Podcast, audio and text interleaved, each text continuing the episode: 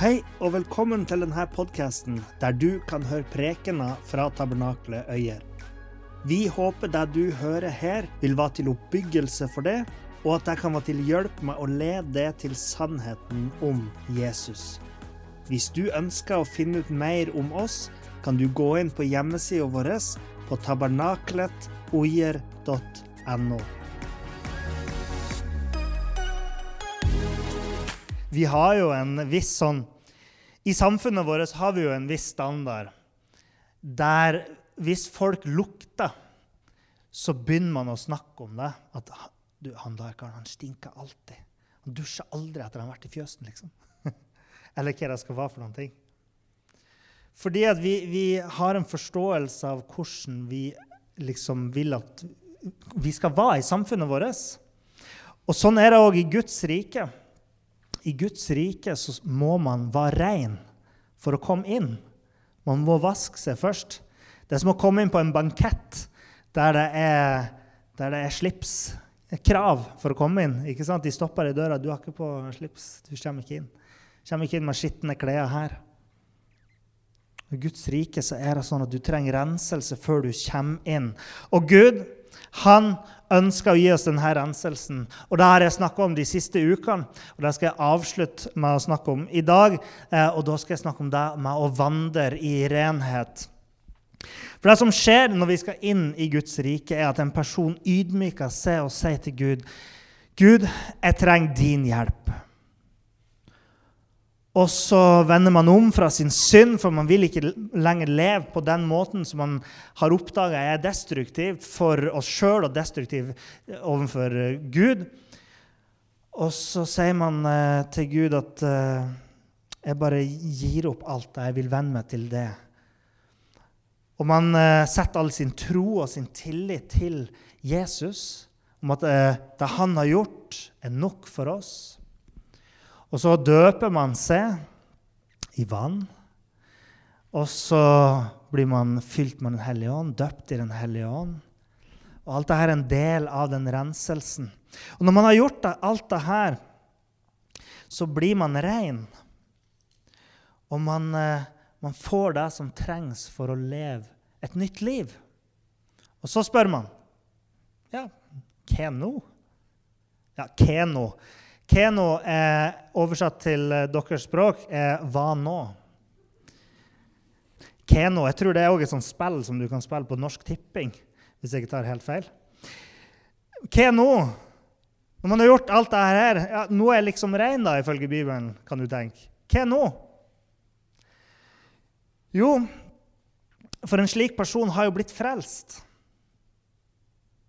Og er det alt? Jeg har jo hørt personer som har sagt at det virker for enkelt liksom, å bli en kristen. Og det er enkelt å bli rensa. For Gud er med på den prosessen. Gud er den som renser det. Han slår på vannet, ikke sant? spyler det ned, sånn at du kan få komme inn. Så det er enkelt. Men det betyr ikke at, at når vi først har gjort det, så kan vi liksom bare sette oss ned i sofaen og, og vente på å dø. Jesus han sa i, i Markus kapittel 16, vers 16.: Den som tror og blir døpt, skal bli frelst, men den som ikke tror, skal bli fordømt. Og I Apostlenes gjerninger 22, 16, der står det Stå opp og bli døpt og få vasket bort syndene dine idet du påkaller Herrens navn. Og I Titus vers, kapittel 3, vers 5-7, der står det Han frelste oss ved badet som gjenføder og fornyer ved Den hellige ånd, som Han så rikelig har øst ut over oss ved Jesus Kristus, vår frelser, så vi skulle bli rettferdige ved Hans nåde og bli arvinger til det evige liv, som er vårt håp. Så dette er jo det som skjer. Vi går gjennom renselsen. Jeg vil bare ta med noen bibelvers her kort og enkelt som viser renselsen. Og så spør man hva nå? Er man liksom ferdig etter det her? Nei, det hadde jo vært litt antiklimatisk, ikke sant? At man bare Ja, OK, da har jeg gjort det. Altså, OK, da trenger jeg ikke kirka mer, jeg trenger ikke å tenke mer på Gud. Da er det bare å vente. Nei, for det gjenstår faktisk et helt liv sammen med Jesus. Et helt liv sammen med Gud. Og ikke et liv som alltid er enkelt, men et liv som er godt. Eh, så det er noen ting man skal huske på. Det er fortsatt noen ting man skal huske på.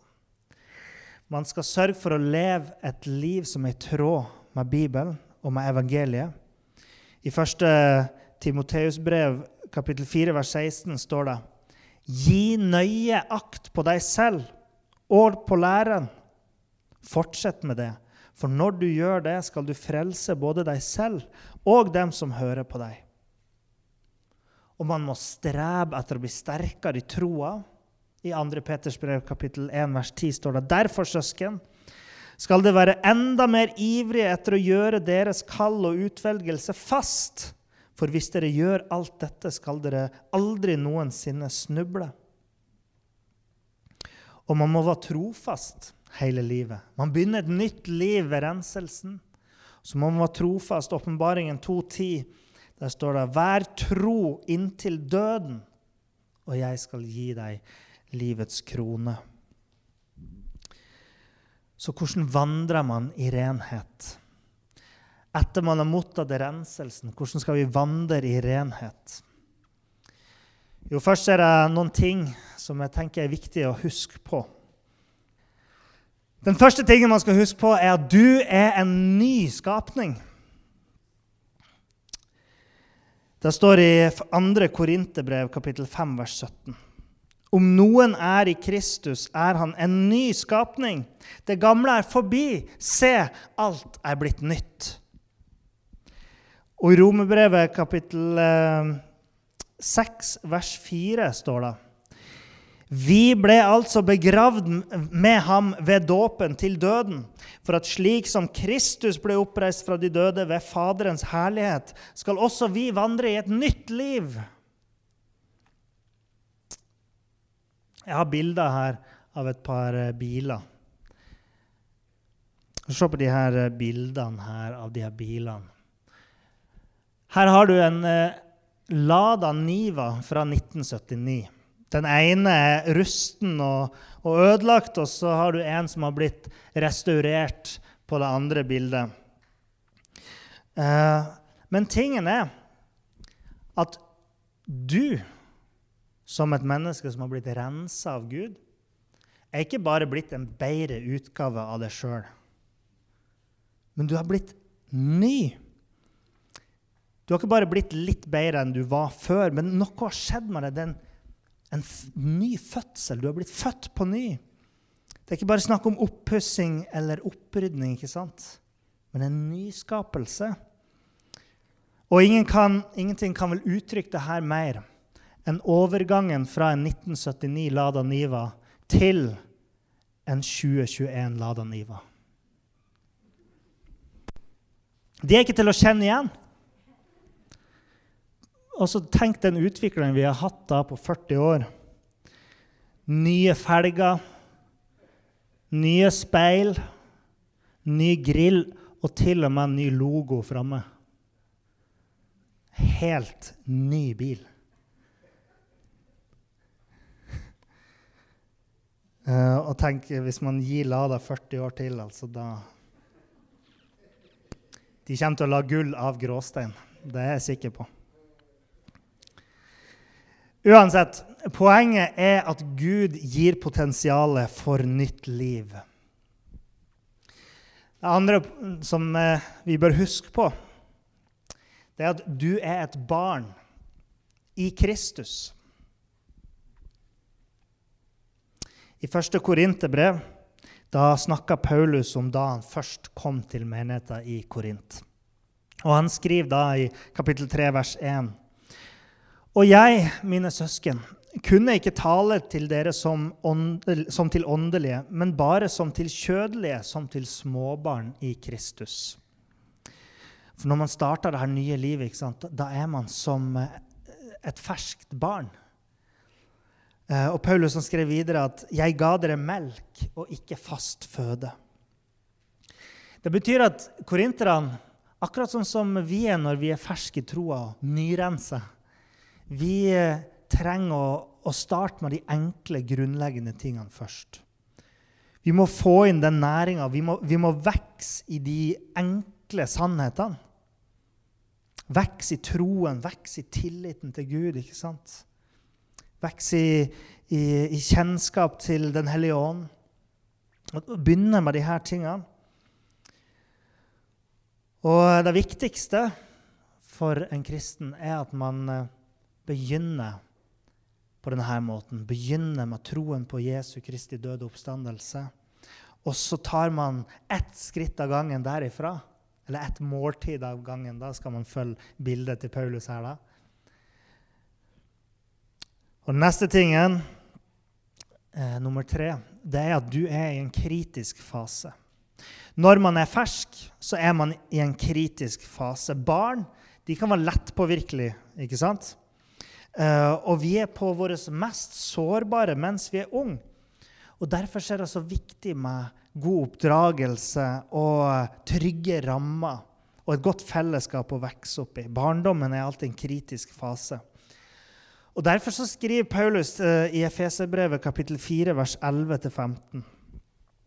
Han ga noen til å være apostler, noen til profeter, noen til evangelister, noen til hyrder og lærere, for at de hellige skulle bli utrustet til tjenestens arbeid, til oppbyggelse av Kristi kropp, inntil vi alle når fram til troens enhet og kunnskapen om Guds sønn, til manns modenhet, til det vekstmålet som rommer Kristi fylde, og at vi ikke lenger skal være som små barn og bli kastet hit og dit og eh, drives omkring av enhver lærdoms vind, ved menneskets knep, ved listige knep i villfarelsens kunster. Men sannheten, tro i kjærlighet skal vi i alle ting vokse opp til Ham som er hodet, Kristus. Vi skal ikke lenger være som små barn og bli kasta hit og dit. Og det er det jeg mener med at Man er i en kritisk fase når man er fersk og ung. Men man skal vokse opp til Han som er hodet, Kristus, til manns modenhet. Så denne veksten er viktig. Det er å nå modenhet, ikke sant? å komme ut av barndommen. Peter han advarer oss eh, i 1. Peters brev kapittel 5 vers 8.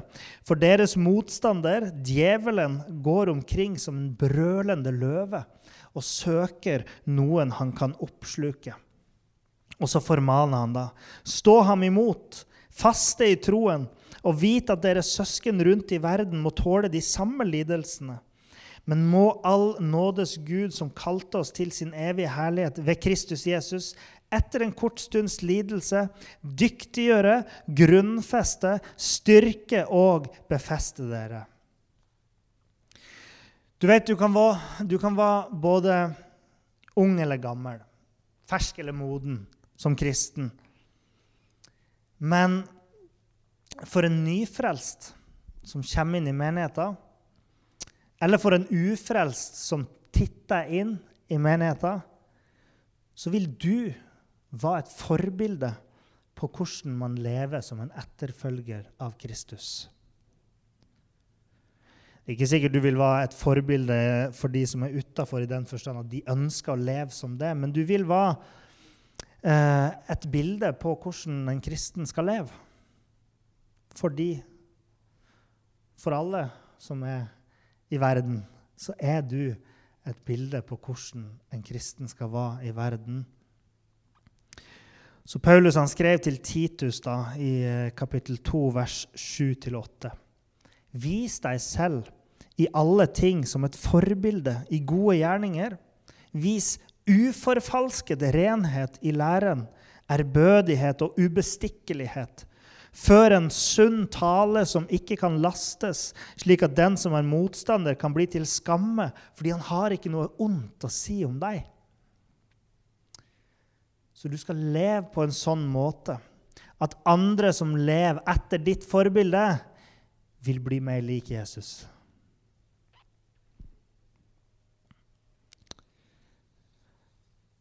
Så det var fem ting som man bør huske på Spesielt når man er fersk i troa. Og det at du er en ny skapning, at du er et barn i Kristus, at du er i en kritisk fase. Du kan stå i fare for å snuble. I lignelsen eh, om såmannen Jesus han forteller en lignelse om en såmann. Og I den lignelsen så har du en såmann som sår ut frø. De samme frøene havner på forskjellige steder. Noen vokser ikke opp, noen blir svidd og visner. Og så er det noen som vokser opp og bærer god frukt. Så de her frøene og de her plantene representerer mennesker, eller plantene representerer mennesker og hvordan de responderer og tar imot evangeliet. Noen de tar imot, og så varer det bare i kort tid. Og så mister de troa, eller så faller de fra. Og så er det noen som tar imot, og de vokser opp og blir moden og bærer god frukt. Men i Hebreerbrevet kapittel 3 vers 12 står det Se til, søsken, at det ikke er et ondt, vantroens hjerte i noen av dere, så dere faller fra den levende Gud.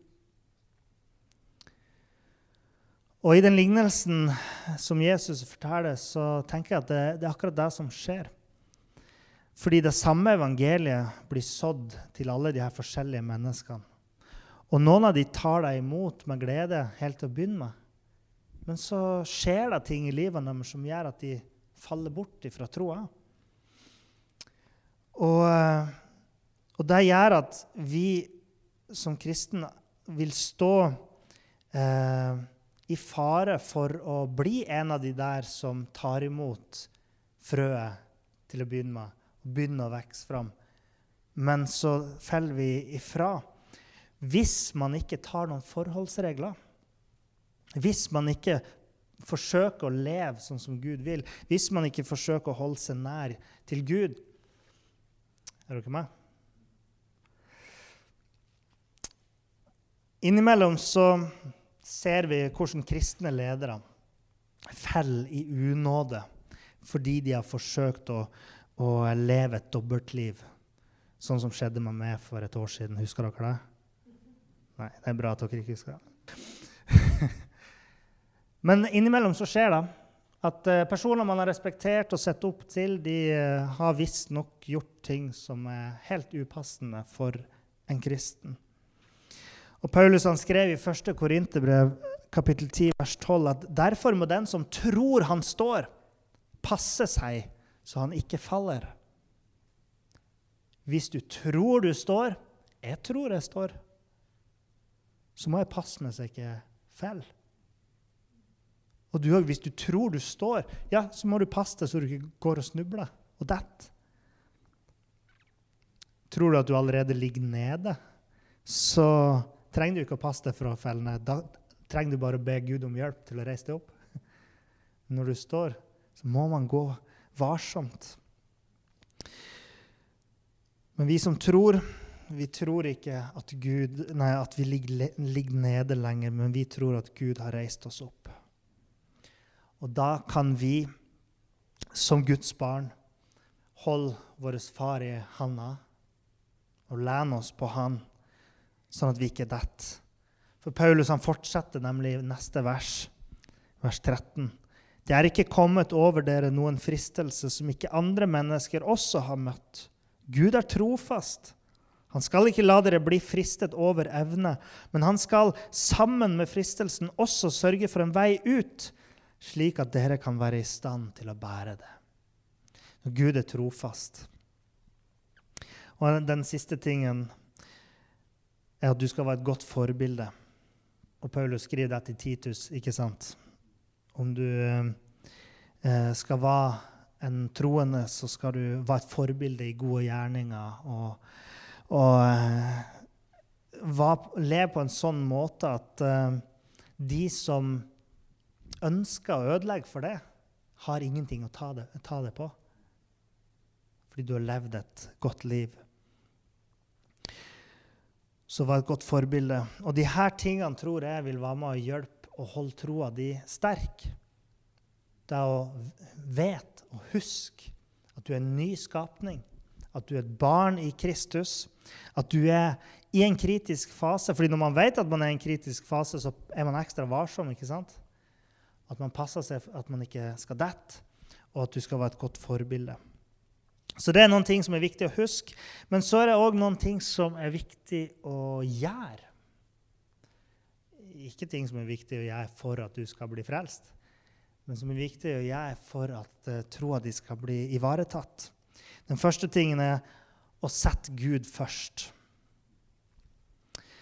Å sette Gud først kan være en litt sånn ullen ting noen gang.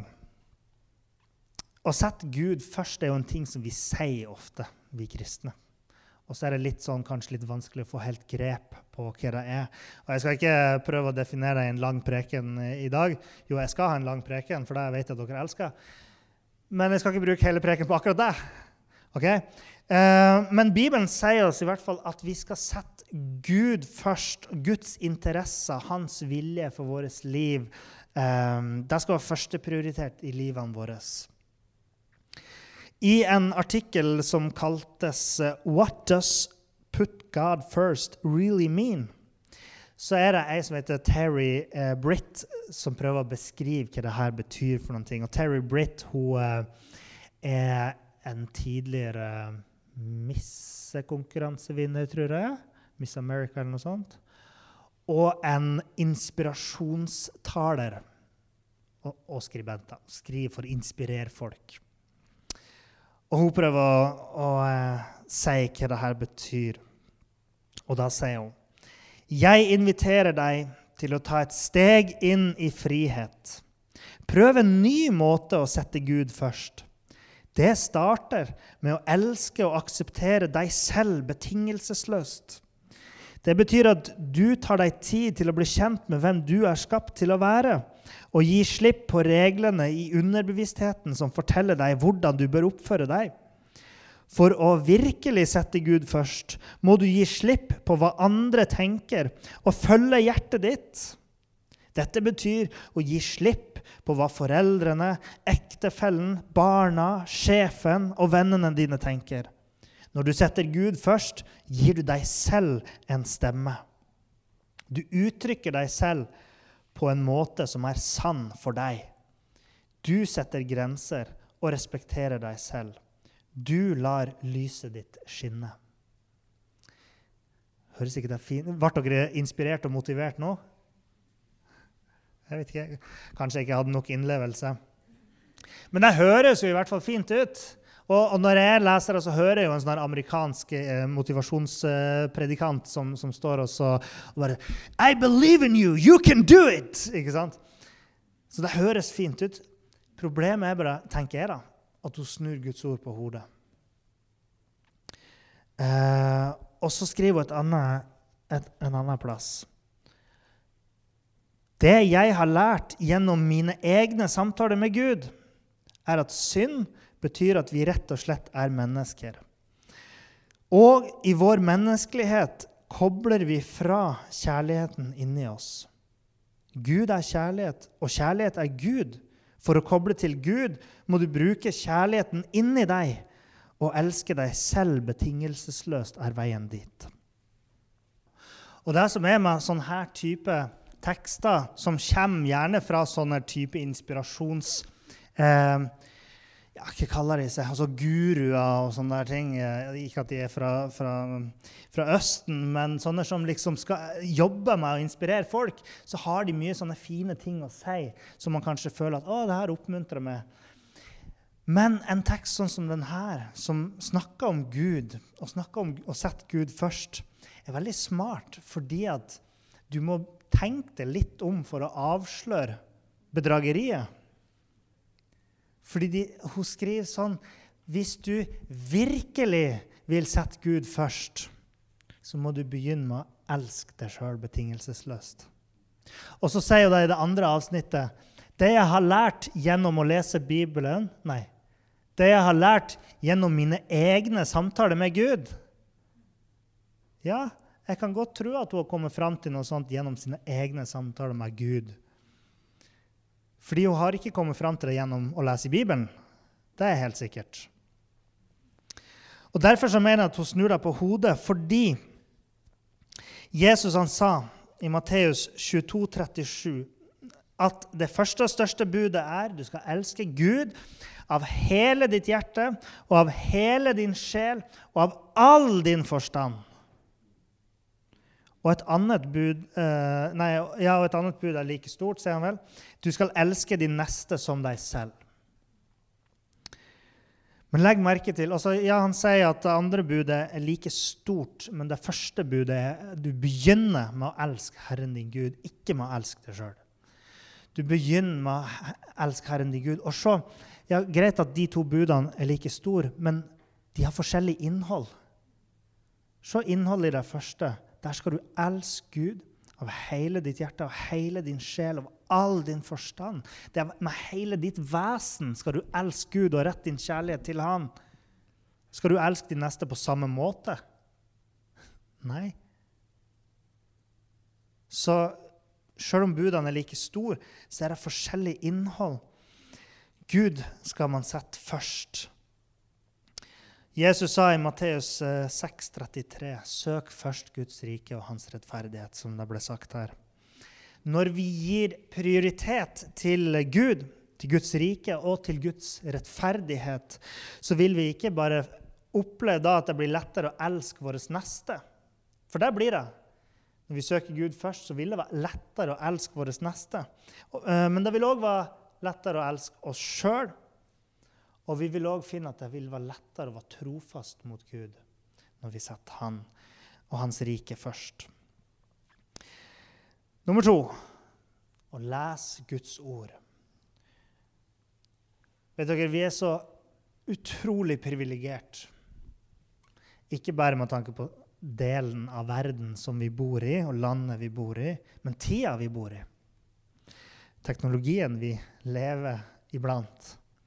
De aller første kristne hadde ikke ei ryddig samling med bibeltekster, sånn som vi har.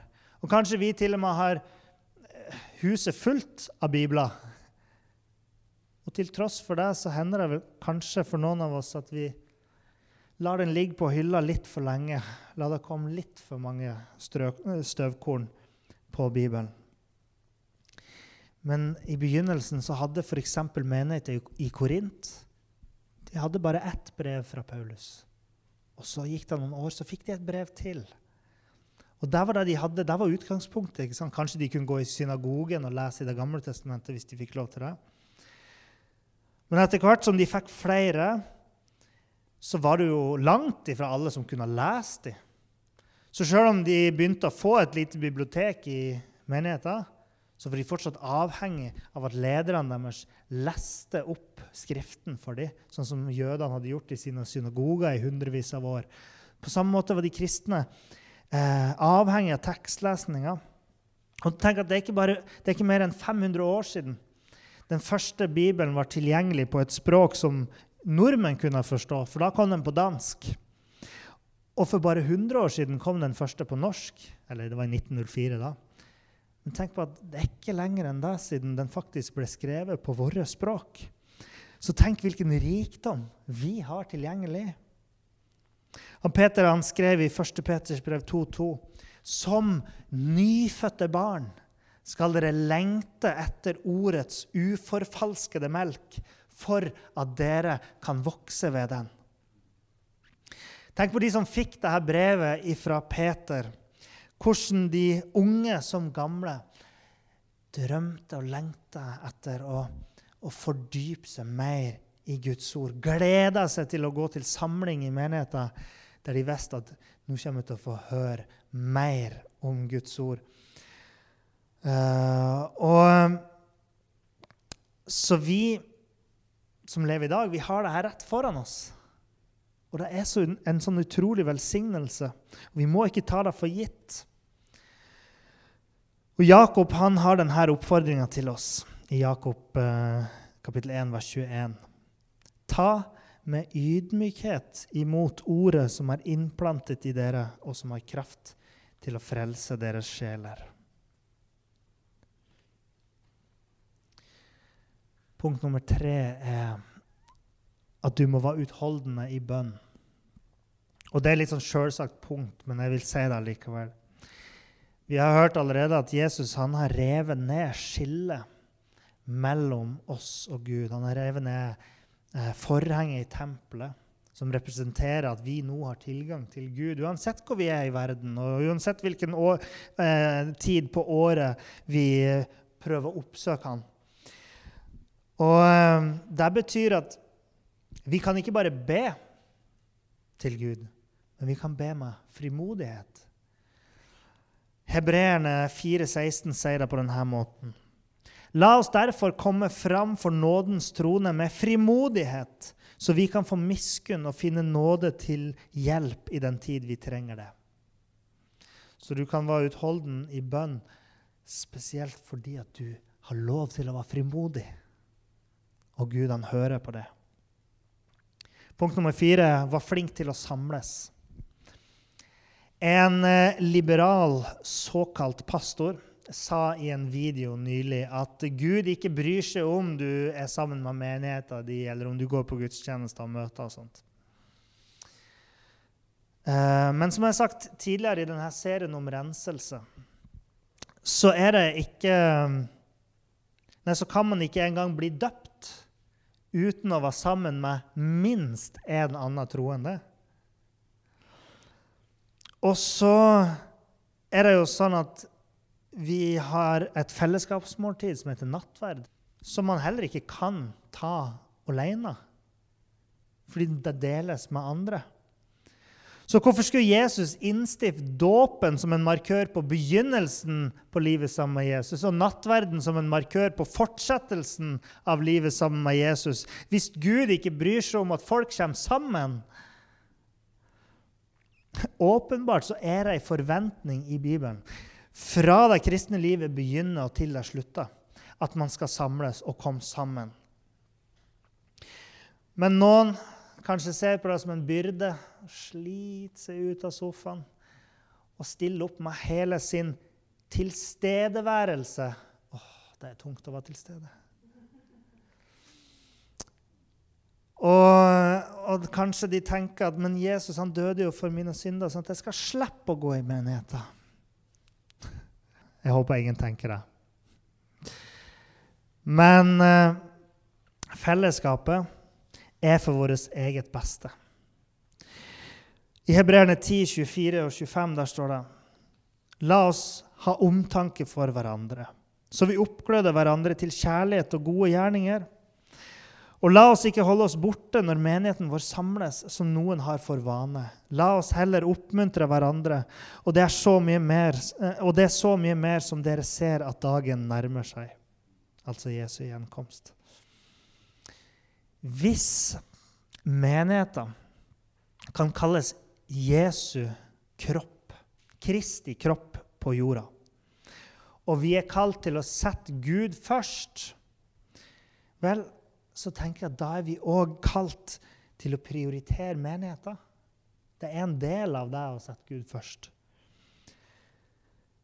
Og um, det å delta i menigheten er òg et, et, uttrykk for uh, kjærlighet mot hverandre.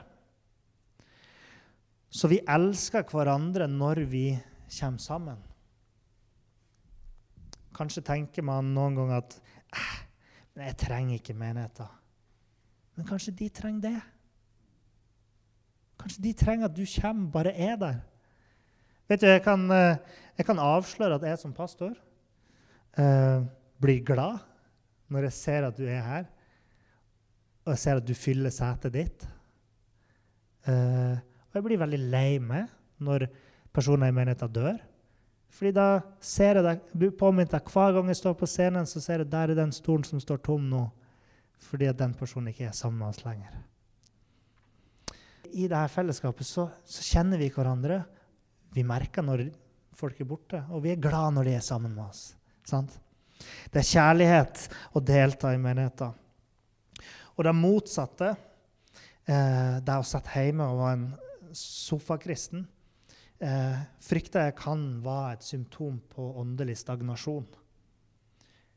Jeg skal være såpass eh, ærlig i dag og sier det sånn. Punkt nummer fem du må hjelpe med å spre evangeliet. Jesus han har eh, kalt uh, sine etterfølgere til å være med og, og skape nye disipler og kalle nye disipler.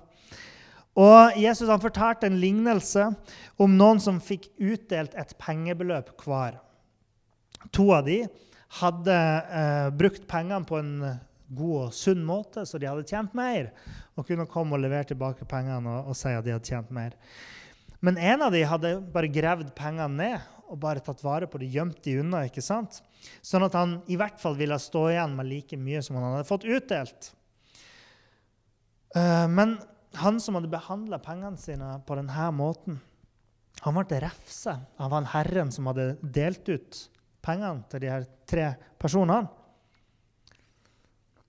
Det er nemlig meint å være en dominoeffekt i Guds rike. Når den ene brikken detter ned, så fører det til at den neste brikken detter ned. Eh, fordi, jeg mener, Så fremt du ikke ble født voksen, så har du vært barn på et tidspunkt og du har vært borti sånn dominobrikker som er mye artigere å bygge opp i sånne rekker enn det er å spille domino, som faktisk er meninga man skal bruke det til. Uh, og i, uh, i, Guds rike så er det meninga at det skal være en sånn dominoeffekt der der den ene brikken skal få det neste til å falle. Ja, egentlig så er det et dårlig bilde at de detter ned, for de skal jo ikke dette ned. De skal reises opp til et nytt liv. Men så er det så skuffende jeg vet ikke om dere har opplevd det, men Hvis dere har satt opp en sånn lang rekke med svinger og sånt med sånn dominobrikker, sånn at du bruker hele påskeferien på hytta på å lage sånn dominorekker, og så tipper du den over, og så stopper den halvveis i en sving, eller sånt, for da har du gjort noe gærent, og så går den ikke lenger. Hvor, hvor skuffende det er når dominoeffekten bare stopper opp. Og eh, jeg tenker vi ønsker jo ikke å være den brikken som får på en måte denne dominorekka til å stoppe opp. Vi ønsker heller ikke å være han som bare gravde ned pengene sine og gjemte de unna. Men vi ønsker å være med å, å skape vekst og få flere til å reises opp.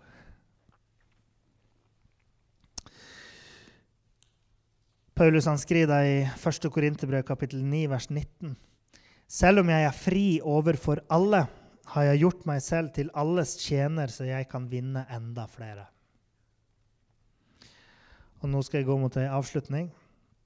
Og Jeg har forsøkt å, å si noen ting om veien videre etter man har tatt imot Guds renselse. Jeg har selvsagt ikke sagt alt, eh, så hvis du vil ha eh, mer om det jeg snakker om, Les Bibelen. Bra tips.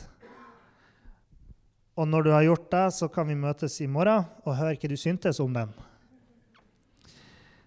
Men jeg har prøvd å si noe om, ting, om noe som er, er, bra for oss å huske på, som grunnleggende sannheter. Og så noen ting som er viktig å gjøre. At du husker at du er en ny skapning. At du er et barn i Kristus at du er i en kritisk fase som fersk troende. At man kan stå i fare for å snuble og dette. Og at du skal være et godt forbilde.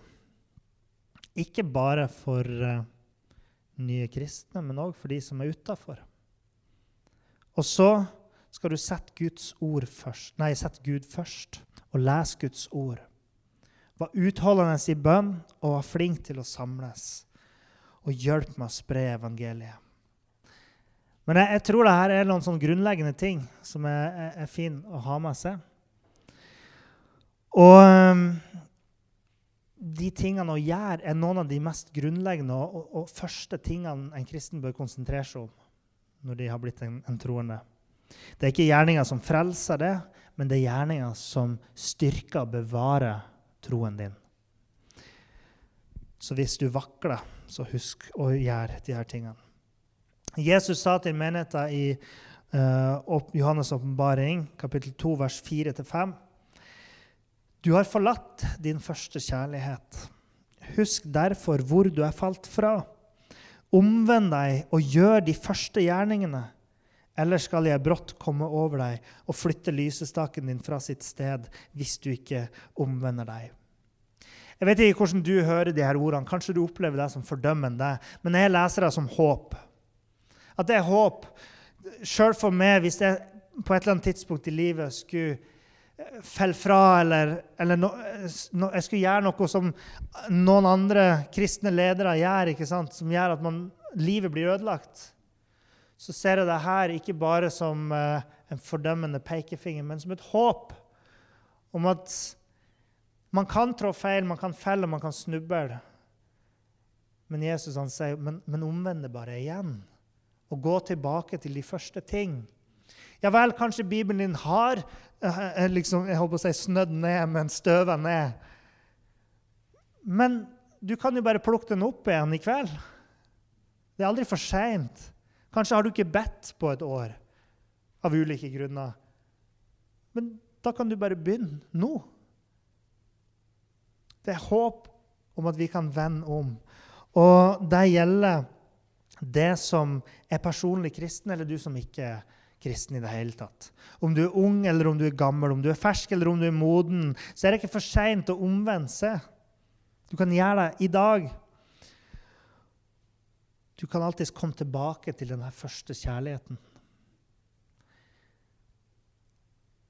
Og du som ikke tror, det finnes en virkelighet som du ikke kjenner. En kraft og en kjærlighet som vil redde deg fra å gå fortapt. Og Jesus han viste denne krafta og denne kjærligheten når han døde på korset, tok din synd, bar straffen for den og sto opp igjen fra de døde.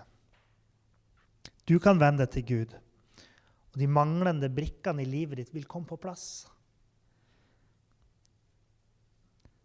Du kan vende om og bli døpt og bli rensa, sier Bibelen. Og du som er fersk i troa, Husk på hvem du er nå. Ikke glem deg. Ikke gå ifra deg. Hold fast på det du har lært så langt. Husk at du er en nyskapning, og be om å få Den hellige ånd. Jesus han sa i Apostelens gjerninger 1,8 at dere skal få kraft når Den hellige ånd kommer over dere, og dere skal være vitner om meg i Jerusalem, i hele Judea, Samaria og helt til jordens ende. Åndens fylde, åndens dåp utruste oss til hele det kommende livet sammen med Jesus. Så i Guds rike er det krav om renhet, om renselse, for å komme inn der. Men det betyr ikke at du må snu i døra og gå hjem og fikse det sjøl, for så å komme tilbake for å få lov til å gå gjennom porten til Guds rike. Men du kan møte opp ved porten og si, 'Herre, jeg jeg finner ingenting der ute. Kan jeg få komme inn? Og Gud vil rense det og slippe det inn. Takk for at du hørte på.